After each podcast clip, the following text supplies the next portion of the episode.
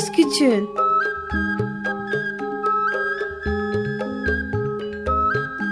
Bir Çocuk Hakları Programı Bilgi Üniversitesi Çocuk Çalışmaları Birimi hazırlıyor ve sunuyor.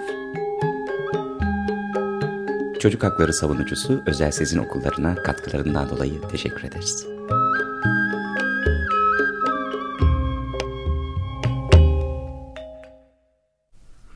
Merhaba, yeni bir Söz Küçüğün programına daha hoş geldiniz. Bugün günlerden 8 Aralık.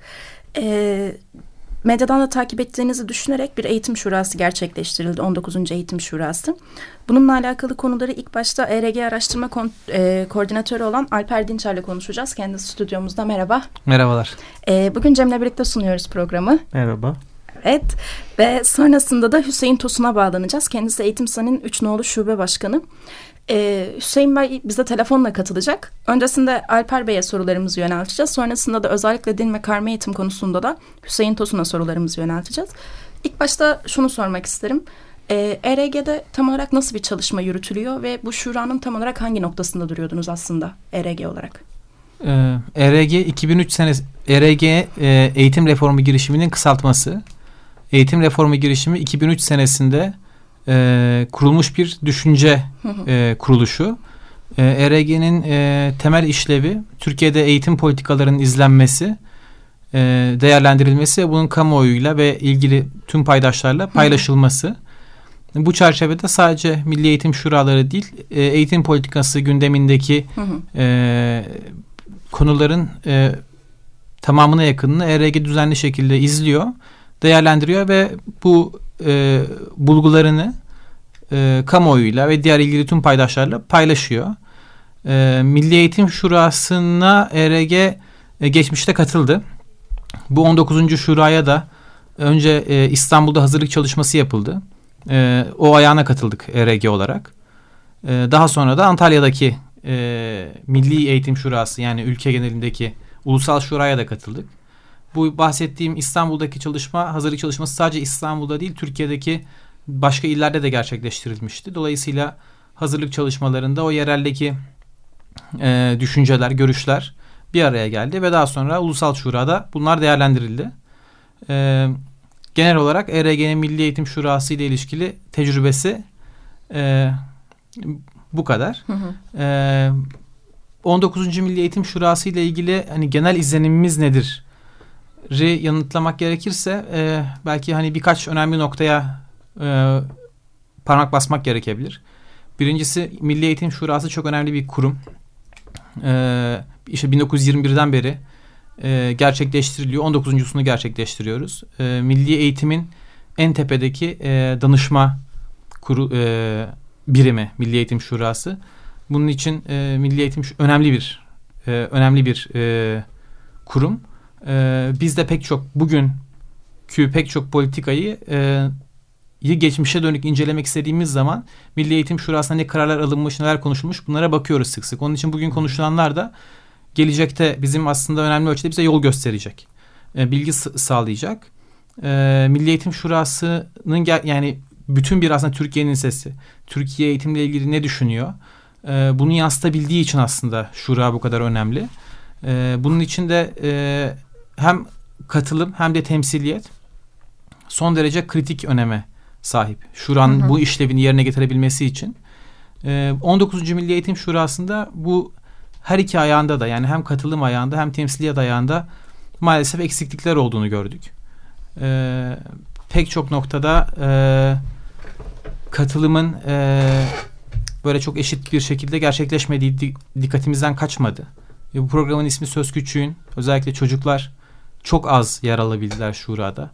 E, yani bütün bir gün e, bir mesele konuşuluyorken biz çocukların sesini ancak belki birkaç dakika duyabildik. Daha fazla duyamadık. Aslında bu da çok önemli çünkü eğitimin en büyük etki alanındaki insanlar çocuklar. Eksi 18 yaş grubu ama çocukların sesini çok az duyduğunuzu söylediniz. Çok az. Maalesef çok az duyduk. Ee, bizim benim çalıştığım, benim, benim katıldığım alt komisyon öğretmen niteliğinin arttırılması alt komisyonuydu. Bizim komisyonumuzda e, 5-6 tane öğrenci vardı. E, öğrencilerin bu tamamına yakını lise öğrencisiydi. Yani lise öğrencisinden daha genç öğrenci sadece bir tane vardı. O da çok kısa bir süre söz alabildi beş gün içinde. E, lise öğrencilerimiz de maalesef onlar bile çok söz alamadılar. Peki e, bu noktayı e, geçmeden evvel merak ettiğim bir şey var. E, yani burada liseli öğrencilerin katılımı ve söz hakkının doğması şikayetlerini dile getirmek şeklinde mi yoksa önerileri sunmak ve hani e, biz hani böyle bir şeyden dolayı bir problem çekiyoruz, sıkıntı çekiyoruz. Bu böyle olsa daha düzgün olur. Yani bir çalışma grubu oluşturmak şeklinde mi oluyor? Şöyle, e, yani ikisini de yaptı arka, yani e, liseli arkadaşlarımız. Hı hı. Yani onlara söz verildiği zaman hem onların sıkıntıları nelerdir bunu dile getirdiler. Hem de neler olsa daha iyi olur. E, bunu da dile getirdiler. E, ancak e, çok çok sınırlı kaldı e, bu da. Yani e, benim çalıştığım alt komisyonda en çok yani e, liseli gençlerin en çok bahsettiği nokta öğretmenlerle iletişim meselesiydi. Bunun üzerine çok vurgu yapıldı. İletişimde çok fazla sıkıntı yaşadıklarını dile getirdiler ve nitelikli öğretmen kimdir sorusuna da e, onlarla iletişim kurabilen ve onları seven öğretmenin nitelikli öğretmen olduğunu söylediler. Ve hani bu yani bir, de, bir, bir şey önerilecekse önerinin de aslında bunun üzerine kurulması gerektiğini vurguladılar. Bu çok anlamlıydı söyledikleri. Ancak hani bunun bile bir karşılığını maalesef biz e, genel kuruldaki kararlarda göremedik. Hı. E, bunun ötesinde sadece yani çocuk katılımı çok önemli tabii ki. E, ancak e, eğitimdeki diğer e, paydaşların da katılımını e, görebildiğimizi söylemek güçtü şurada.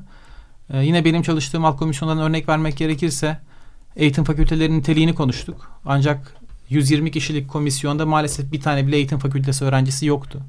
Bu muazzam bir eksiklikti. Çünkü e, bizim yap, eğitim fakültelerinde yapmak istediğimiz o nitelikli öğretmeni aslında e, hazırlamak. Daha doğrusu o hazırlanması için doğru ortamı yaratmak.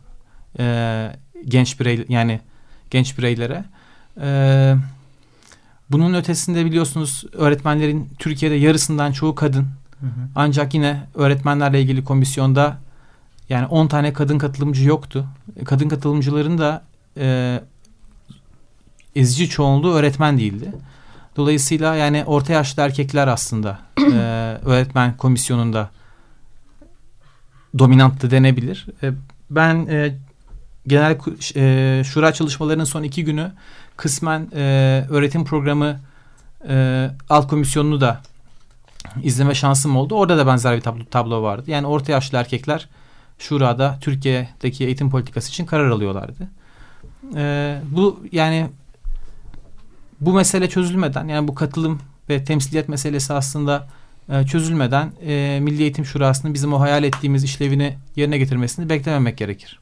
Aslında yani olayın başlangıcında bile bir aksaklık var bahsettiğinizden anladığım. Katılımda bir aksaklık var. E, gençlerin ve çocukların söz hakkının olmamasında bir aksaklık var. Ben bir bilgi okumuştum.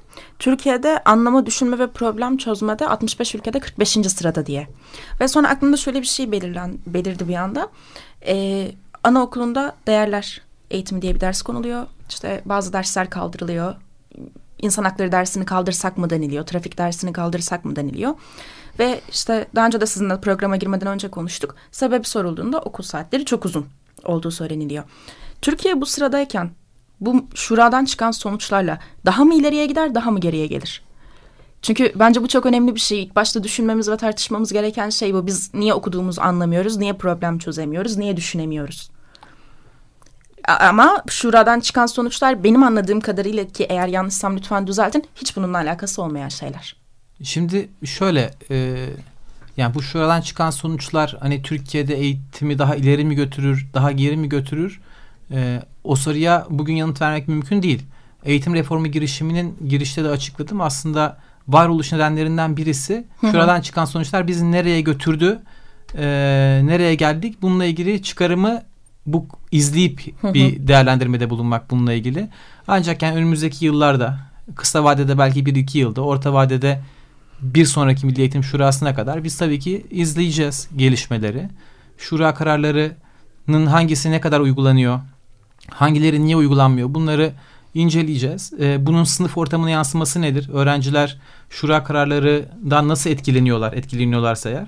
Bunlarla ilgili değerlendirmeler yapacağız. Ondan sonra söyleyeceğiz. Evet şöyle şunlar iyi oldu. Bunlar o kadar iyi olmadı diye bir değerlendirmede bulunacağız. Yine birileri deneme tahtası olacak o zaman. Evet. Yani Türkiye evet. eğitim sisteminde bence en çok görülen şey bu. Bir şey söylenilir, belli bir süre denenir, olmadıysa bir daha değiştirilir. Şimdi buradaki kritik nokta biraz şu. E, bunu bence önemli ölçüde biz atlıyoruz. E, her ülkenin kendine has özel sorunları var. E, bu örneğin Osmanlıca ile ilgili meseleyi belki biraz öyle anlamak lazım. Yani ya Osmanlıca Türkiye'nin kendine has, kendine özel bir meselesi. Ee, ve Osmanlıca'yı da kim nasıl öğrensin bunun tartışılması aslında çok anormal bir şey değil. Ee, tartışmamız da lazım mutlaka. Ee, ancak yani biz bize has, bize özel olan şeyleri tartışıyorken mutlaka dünyada ne oluyor? Bunu da e, izliyor ve ona göre de bir tepki geliştiriyor olmamız lazım. Öğrenmemiz lazım çevremizde olup bitenlerden. Hı hı. E, bugün eğitim politikası anlamında e, dünya ne tartışıyor? E, buna baktığımız zaman e, dünyanın e, dijital okuryazarlığı tartıştığını görüyoruz. İşte finansal okuryazarlığı tartıştığını görüyoruz. Girişimcilik eğitimi çok ciddi anlamda gündemde. E, küresel yurttaşlık çok ciddi başka bir alan. E, dünyanın tartıştığı. E, biz bu temaların hiçbirini Milli Eğitim Şurası'nda konuşmadık. Gündemde de bile yoktu bunlar. E, dolayısıyla yani e, bunlar gündemde olmadan biz o sizin bahsettiğiniz e, uluslararası öğrenci başarılarını değerlendiren çalışmalara daha ileri gidebilir miyiz? Diyecek olursak yani şimdi şöyle hani belki dünya yanlış yapıyordur biz şu anda doğru yapıyoruz. Eğer öyleyse gidilebilir. Ee, diğer türlü de olabilir. O zaman ileri gidemeyiz. Bizim gerimizde olanlar bizim önümüze geçebilirler. Ee, o, yani bu nedenle de biraz daha böyle Milli Eğitim Şurası gündemi oluşturuluyorken, ön hazırlık çalışmaları yapılıyorken mutlaka e, küresel olarak eğitimde neler tartışılıyor, e, temel ana alanlar nelerdir? Bunlarla ilgili e, şey olması lazım. Bir bilgilendirmenin, yönlendirmenin olması bence çok faydalı olur. Yani süreç olarak aslında hani dar e, bir bakışla e, hareket ediyoruz gibi anlıyorum söylediğinizden. Çünkü aslında etrafımızda olanı, biteni çok fazla görmüyoruz. Her ne kadar hani Osmanlıcanın belki müfredata alınması e, belki ciddi bir sorundur. Oradaki şurada oturanlar için. Ama e, bir yandan da yani e, hani eğitim bir yarışsa ki bence olmamalı eğitim dediğim bir şey ama işte 45. sırada olduğumuzu söyleyebiliyoruz. Bir şekilde bir karşılaştırma olabiliyor ve bu karşılaştırma eğer bir şekilde insanları rencide ediyorsa bir yerde e, daha geniş bir açıyla bakmaları da gerekiyor anladığım kadarıyla. E, e, yani Şura'nın genel e, yani Şura'nın genel olarak e, izlenimleriniz katılım hakkında aslında biraz söylediniz. Temsiliyet hakkında söylediniz. Biraz daha böyle hani alınan kararlar e, üzerinden bir şeyler eklemek ister misiniz acaba? Tabii. Yani bir şunu belirtmek lazım. Yine katılımla ilişkili olabileceğini düşündüğüm önemli bir nokta. Yani bu şu anda medyada, e, gazetelerde, televizyonlarda çok yoğun biçimde e, bu din dersleriyle ilişkili kararlar, Hı-hı. Osmanlıca ile ilgili kararlar tartışılıyor. E, bu e, çünkü bu yani vatandaşın ilgisini bu konu çekiyor. Ama e, şeyi belki de söylemek önemli. Şurada bu kararlar genel kurulda alınıyorken Şura'nın genel kurulunda 500 aşkın e, katılımcı oy veren birey vardı. E, bu kararlara itiraz eden belki 10 belki 15 e, orada Şura katılımcısı vardı. Yani aslında Şura katılımının ezici çoğunluğuyla hı hı. E, bu kararlar alındı. Dolayısıyla e, bu da bize aslında oradaki katılımın birazcık böyle bir e, yanlı olduğunu gösteren bir nokta. Bu anlamıyla da düşünmek lazım. Yani sadece böyle bir e, çocukların katılımı, e, kadınların katılımı ya da işte eğitim fakültesi öğrencilerin katılımının ötesinde hani çok sesliliğe izin verdi mi o şey? E, Veya eleştirel oldu mu, mu aslında? Bu bir kritik nokta. E, diğer nokta da yine şura ile ilgili e, söylenmesi gereken önemli bir şey. Maalesef ben bir türlü siz e, maddelere gelmemi istiyorsunuz ama ben söylemek istediğim birkaç başka önemli bir nokta var. Bunları tamam. aktarmak lazım diye inanıyorum. E, birincisi şu yani bir saydamlık sorunu da biz maalesef e, yaşadık. E, basına kapatıldı komisyon çalışmaları. Hı. Basının komisyon çalışmalarına girememesine ben bir anlam veremedim. Buna niye izin verilmediğine. Eee endişe, endişelerimiz oldu bizim. Acaba e, komisyon katılımcıları gerçekten komisyon katılımcıları mı? Yoksa dışarıdan gelen üçüncü şahıslar da oy veriyor mu, öneri sunuyor mu diye. E, bunun bunun için sebebi ne? Bunu düşünmenizin sebebi? E, bu doğrultuda gözlemlerim oldu hı, hı, hı, şurada. Hı. Mesela bu nedenle e, katılımcı listelerinin paylaşılmasını rica ettik. Ancak katılımcı listeleri de paylaşılmadı.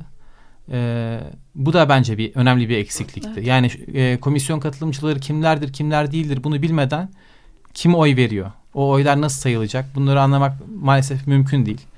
E, genel kurul öncesinde komisyonların kararlarının katılımcılarla paylaşılmasını rica ettik. Çünkü komisyon çalışmalarında alınan kararlar birebir genel kurula yansıyacak mı, yansımayacak mı? Bundan emin olmak istedik.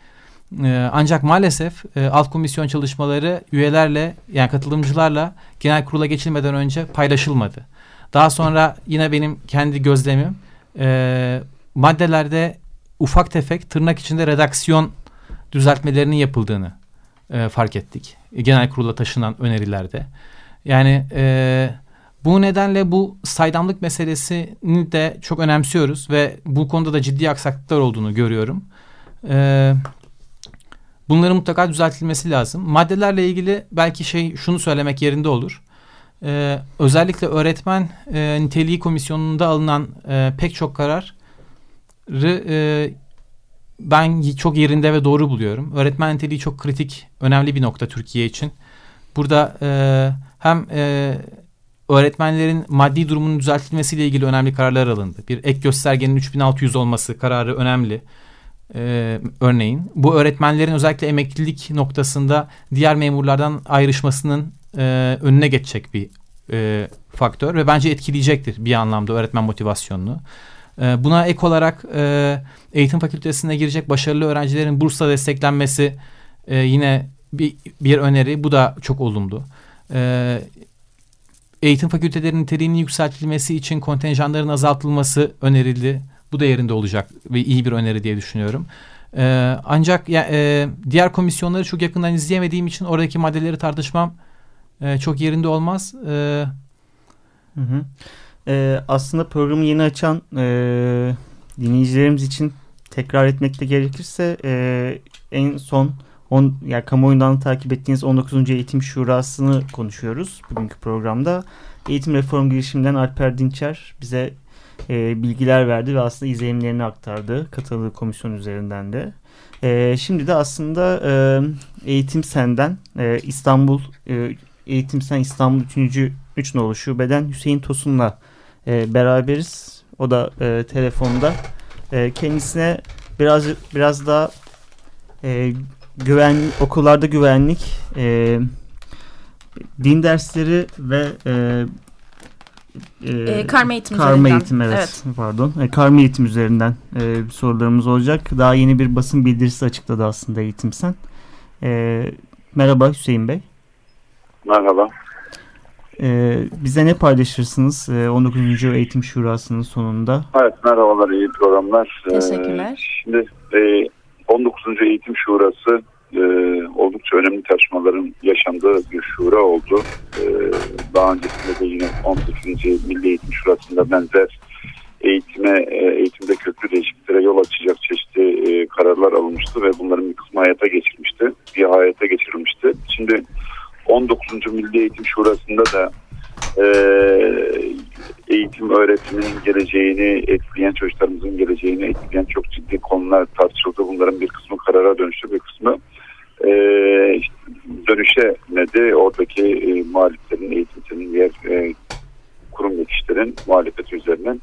Şimdi özellikle e, bu karma eğitim ve dini değerlerin e, gündeme getirilmiş olması bizim açımızdan e, oldukça önemliydi. Bu e, 4 artı 4'ten sonra eğitimdeki o köklü dönüşümün, muhafazakarlaştırmanın, dindarlaşmanın yolunu açan bir başka önemli bir adım olacaktı.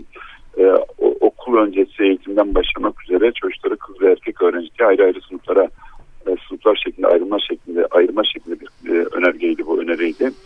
E, geçirilmesi için e, çokça tartışıldı, e, gündeme getirilmek istendi, işte muhalefet edildi.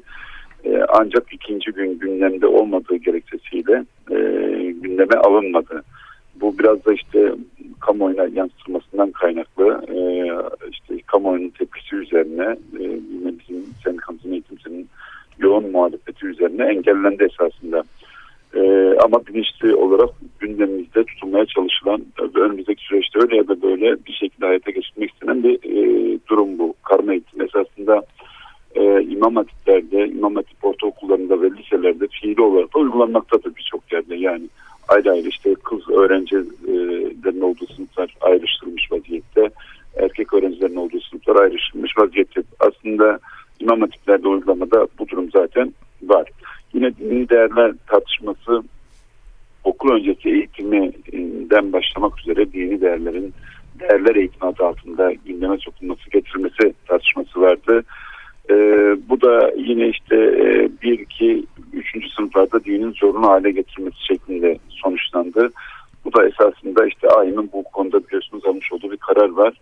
Ee, dinin zorunlu olmasına karşı işte müracaat eden yurttaşların, Alevi yurttaşların lehine verdiği bir karar var. Ee, kaldırılması yönünde e, seçmeli derse dönüştürülmesi yönünde bir karar var. Buna rağmen e, bu e, işte 5, 6, 7. sınıftaki şey 4, 5, 6, 7'deki şey az gelmiş olacak ki birinci, ikinci, üçüncü sınıfta da din dersi zorunlu hale getirildi.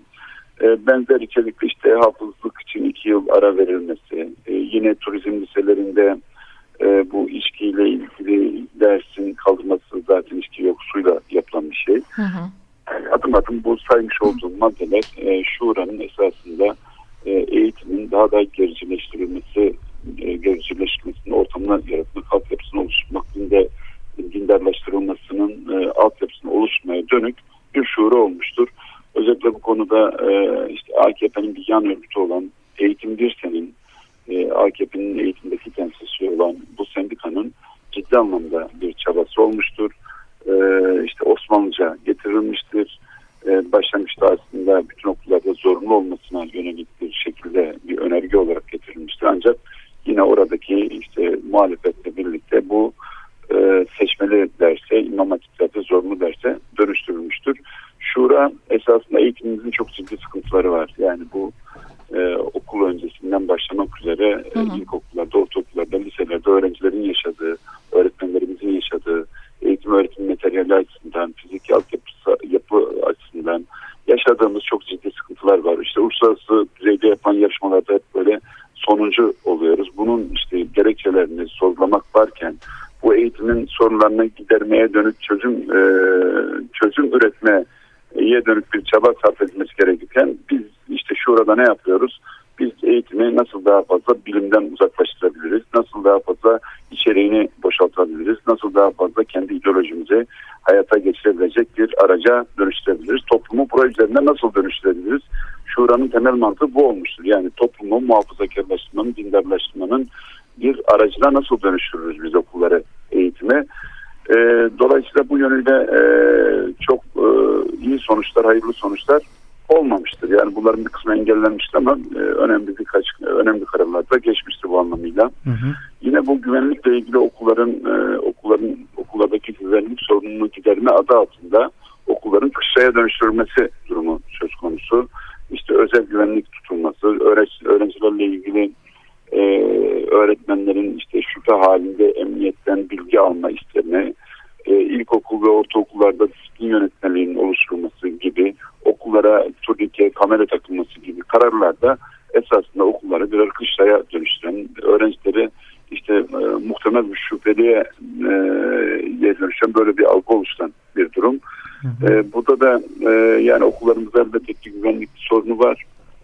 Özellikle bu son süreçlerde yaşanan bu işte uyuşturucu, e, işte bonzai vesaire türü şeyler şeylerin okullara e, okullarda uzaklaştırılması ya da sokulmaması yönünde çeşitli tedbirler almak gerekiyor ama biz biliyoruz ki burada alınan tedbirlerin temel amacı aslında bu değil. Daha ziyade işte muhalif öğrencilerin e, biraz onları e, etkilemek, onları kontrol altında tutmaya dönük kararlar olduğunu düşünüyoruz. Evet, teşekkürler evet. Hüseyin Bey. Hüseyin Bey ben yani aslında çok kısa bir süremiz kaldı. 2-3 dakikamız kaldı. Sizin anlatacak evet. çok şeyinizin olduğunun farkındayım. Fakat şunu sormak evet. istiyorum size. Ee, eğitim şurasında alınan kararların sizce hayata geçirilme olasılığı ne? Şimdi eğitim şurasında alınan kararların elbette ki e, bu e, işte tavsiye niteliğinde hı hı. E, tavsiye niteliğinde alınan e, kararlar e, bunların tamamının hayata geçme ihtimali yok. Özellikle orada e, öğretmenlerin lehine olan, öğrencilerin lehine olan çeşitli kararlarından çok fazla hayat olacağını tahmin etmiyorum. O sadece işin sosu. Burada daha ziyade yapılmak istenen zaten Cumhurbaşkanı'nın da bu yönlü beyanatları var. Başbakanın da beyanatları var. Bakanlarımızın da beyanatları var. E, toplumun dinselleştirilmesi, e, dindarlaştırılması, muhafazakarlaştırılmasına dönük kararlar hayat bulacaktır. 4 artı 4'te olduğu gibi. Hı hı. Yani ben e, kısa süre içerisinde ortam bulunabilirse bu din derslerinin hemen birinci, ikinci, üçüncü sınıflarda zorunlu e, zorunlu hale dönüşmesine dönük bir hazırlık yapılacağını açıkçası bekliyorum. Böyle bir şey var. Hüseyin Bu Bey. karma eğitim Hı. orada hayat bulmadı ama bir zemin yaratıldı. Bir zemin yoklandı. Hı. Bu karma eğitimin en azından kademeli bir şekilde muhtemelen imam hatiplerde fiili hale getirme gibi bir durum olacaktır. Ee, yani e, bu şurada özellikle belli konular e, hayata geçirilecektir. Hayata geçirilecektir Ee, 18 dediniz fakat ya, maalesef kesmek zorundayız çünkü bizden sonra bir tane daha canlı program var. Ee, Evet. Lütfen kusura bakmayın. Ben, bence e, belki birkaç hafta sonra sizi tekrardan konuk ederiz ve daha uzun uzun hepsini konuşuruz. Çünkü bizim de aklımızda çok fazla Evet. soru var. Aynı şey Alper Bey için de Sorunlarım geçerli. kaldı benim de. Soramadım. Evet. Teşekkür ederiz yine de e, programımıza katılıp e, değerli Ben fikirlerinizi Evet, paylaştığınız evet çok için. teşekkür ederiz. Eğitim senede ERG'ye günler. de teşekkürler Hüseyin Bey. Hoşçakalın. Hoşçakalın. E, bir Söz Güç'ün programında daha beraberdik. E, Alper teşekkür ederiz tekrar katıldığın Evet için. buraya kadar yoruldun. Teşekkür ederiz. Ben teşekkür ederim. Hüseyin Bey de tekrardan vakit Hüseyin. ayırdı. Bizimle konuştu. Teşekkür ederiz kendisine de. E, programımızla ilgili fikirlerinizi e, sözgüçünradyo.gmail.com adresine yazabilir. E, Facebook'tan ve Twitter'dan da e, ekibi takip edebilirsiniz. Feryal'i birazcık kızdırdık sanırım bugün ama E, evet. kendisine teşekkür Ee, ederiz. Teknik Masada da Feryal'e teşekkür ederken bir Haftaya sonraki programda buradayız. da görüşmek üzere diyoruz.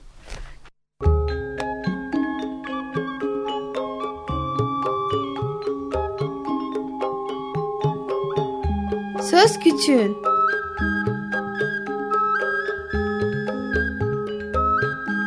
Bir Çocuk Hakları Programı Bilgi Üniversitesi Çocuk Çalışmaları Birimi hazırladı ve sundu. Çocuk hakları savunucusu Özel Sezin Okullarına katkılarından dolayı teşekkür ederiz.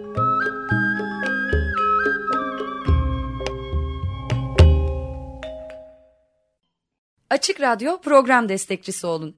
Bir veya daha fazla programa destek olmak için 212 alan koduyla 343 41 41